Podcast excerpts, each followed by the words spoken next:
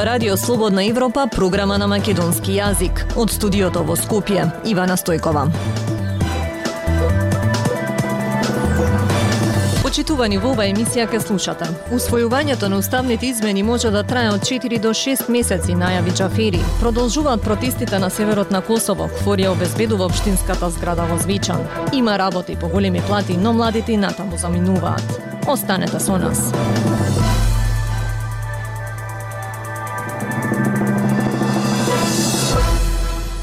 Деловникот на Собранието предвидува строги рокови за дебата за измените на Уставот. Председателот на Собранието Талат Джафери посочува дека може да има мало скратување, но само ако нема доволно пријавени за дебата. Тој очекува процедурата за уставни измени да трае најмалку 4, а најмногу 6 месеци. Емил Златков. Од моментот на доставувањето на иницијативата за уставни измени во Собранието до нивното усвојување минимално се потребни 4,5 месеци, информираше на брифинг со новинарите председателот на Собранието Тала Джафери.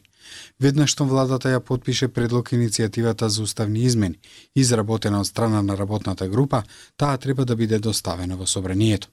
Во рок од 30 дена по доставувањето, иницијативата треба да биде разгледана во законодавниот дом. Потоа, во следните 10 дена за неја ќе расправа Комисијата за уставни измени, а подоцна следува и расправа на пленарна седница, на која претресот може да трае исто така најмногу 10 работни дена. Одлуката за пристапување кон измена на Уставот собранието ја донесува со двотретинско мнозинство гласови од скупниот број пратеници во случајот со 80. Джафери додава дека доколку нема две третини на првото гласање, процедурата ќе прекине.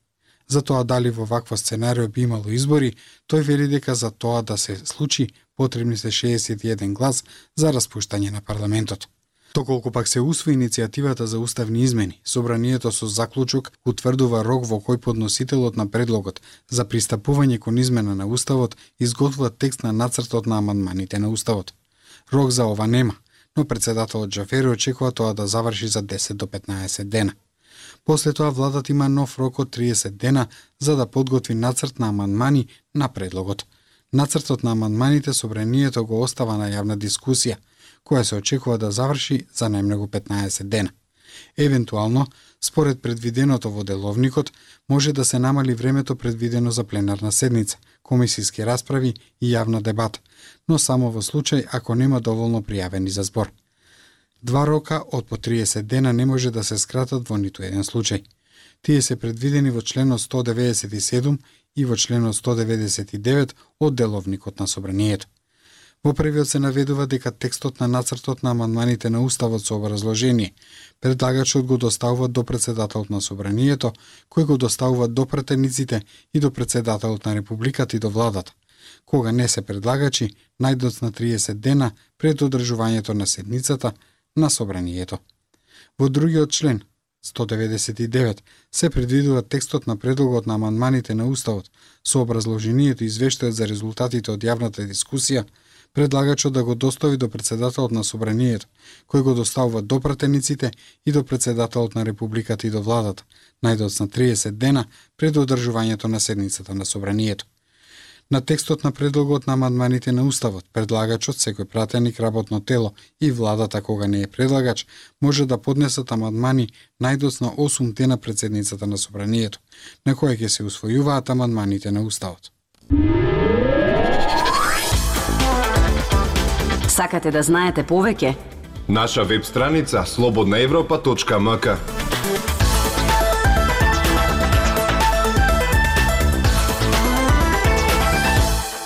Локалните срби во Звечан, Лепосавик и Зубин Поток повторно се собираат за да ги спречат новите градоначалници да влезат во општинските згради. Присутен е КФОР како и Косовската полиција. Српскиот председател Вучич на средба со амбасадорите на Квинта, ЕУ, Русија и Кина.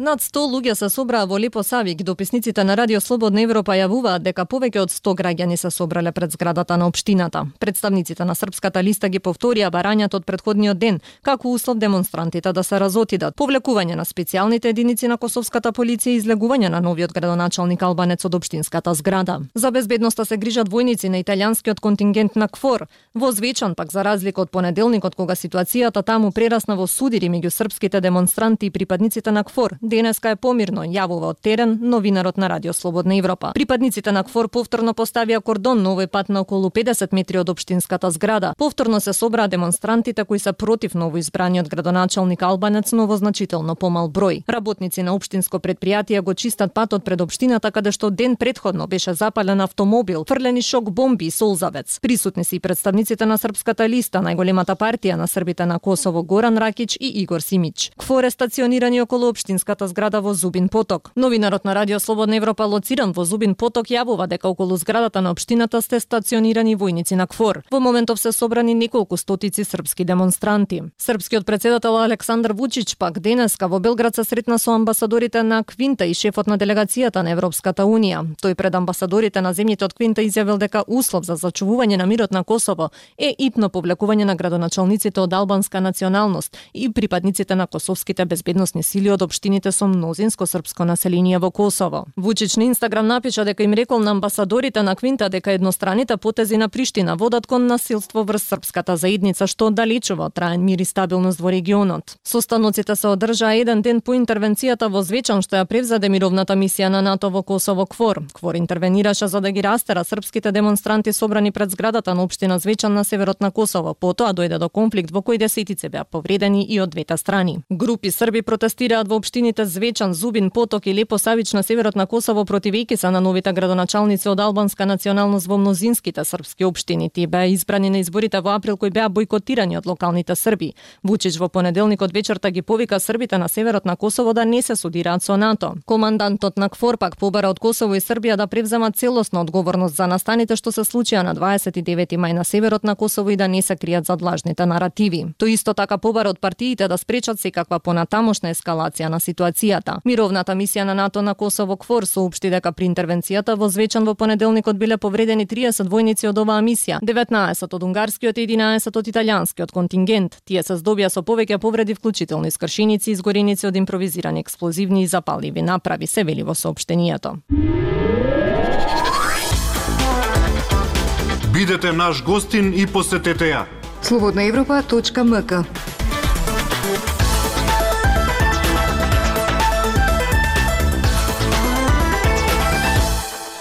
Министерот за правда се сомнева во доделување предмети на вистинскиот обвинител преку електронскиот систем во обвинителството.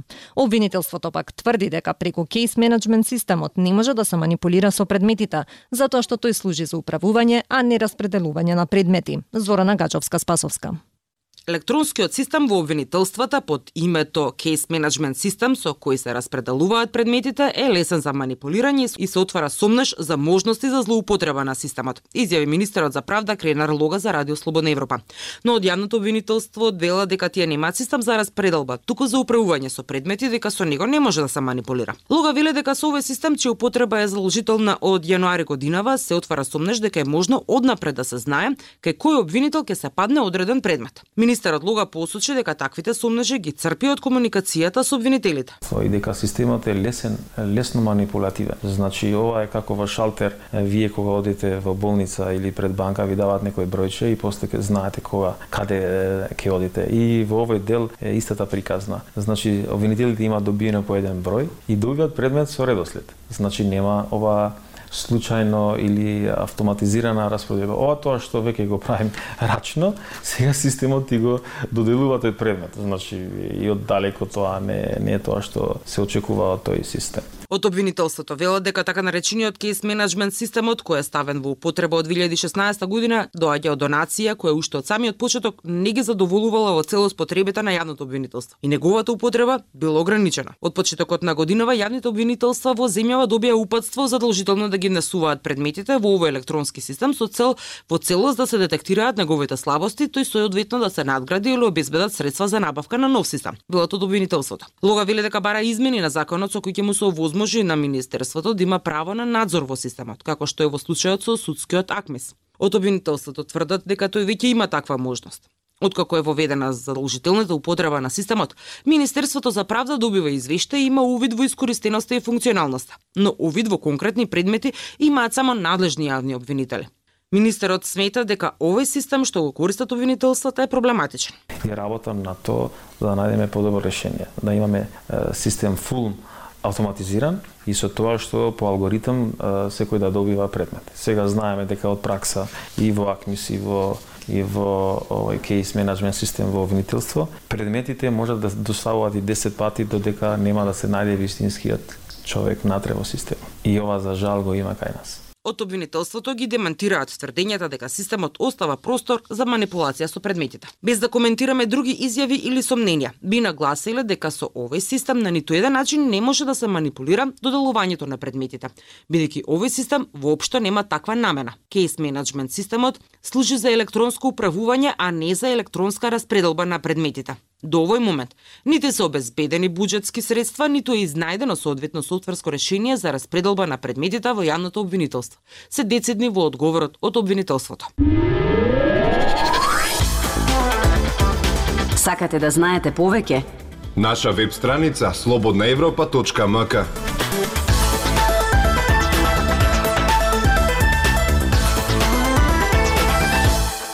И европските и македонските официјални бројки покажуваат дека низ годините бројот на невработени млади се намалува. Кои се причините за ваквиот пат? Тема на Емилија Бунтовска-Нацовска. Лука од Скопје е средношколец во трета година кој работи како келнер. Не е некоја шефска позиција која што сите ја барат, затоа нема вработеност и бегаат нагоре. Вели 18 годишниот Лука. Неговиот врсник Бојан Поповски вели дека наоѓањето работа за млад човек во земјава е многу лесно, но за него опцијата фриленс е подобра од формално вработување, а работа наоѓа онлайн во областа на автомобилската индустрија. Сите се вработени за жал, но пред некое верување тоа е да кажам подобро, ама на мојот од мојата гледна точка фриленсер е многу поубаво неголи вработа. Вели младиот Поповски додава дека иако секој сака за помалку време да направи повеќе пари, тоа во денешно време не оди баш така. Речи си сите нивни пријатели работат, но Лука смета дека ова нема да биде случај кај новите генерации кои според него повеќе се фокусирани на учењето. И податоците од Државниот завод за статистика покажуваат дека во текот на минатата година бројот на невработени млади на возраст од 15 до 24 години се намалил од почеток почетокот до крајот на годината. Според јавно достапните податоци на крајот на 2009 година во земјава сме имале над 61.000 невработени млади на возраст од 15 до 24 години. Во 2022 година или за 13 години подоцна, бројот на невработени во оваа возрастна група паднал трикратно. На што се должи падот на бројките? Виктор Митевски, економски аналитичар и извршен директор во Сдруженијето за истражување и анализи ЗМАИ, посочува дека според официјалните бројки на Државниот завод за статистика, можеме јасно да видиме дека во изминатите 15 години бројот на вработени млади, а истовремено и бројот на невработени млади во континуитет се намалува. Тој ги анализира податоците за невработеност кај младите од 15 до 29 години кои го покажуваат истиот тренд.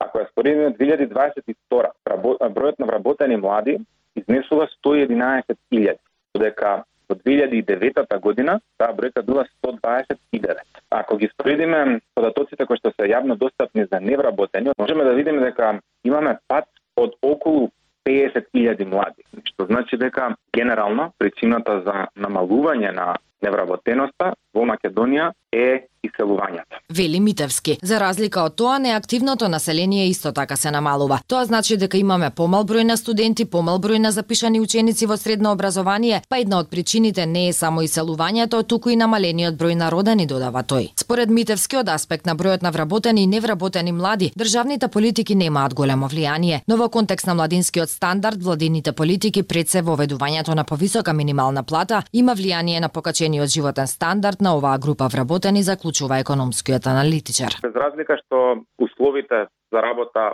од аспект на примања кај не само кај младите, туку и генерално во економијата се зголемуваат, младите и останатото активно население од Македонија сепак се решава да да замине од Македонија и реално тоа влијае многу на структурата на пазарот на труд. Младите кои заминуваат од државата се полесно наоѓаат работа во земјите на ЕУ ако се погледнат резултатите на Евростат кои покажуваат рекордна вработеност на младите од 15 до 29 години. Тоа беше се во вестите на Радио Слободна Европа од студиото во Скопје со вас беа Ивана Стојкова и Дејан Балаловски. До слушање.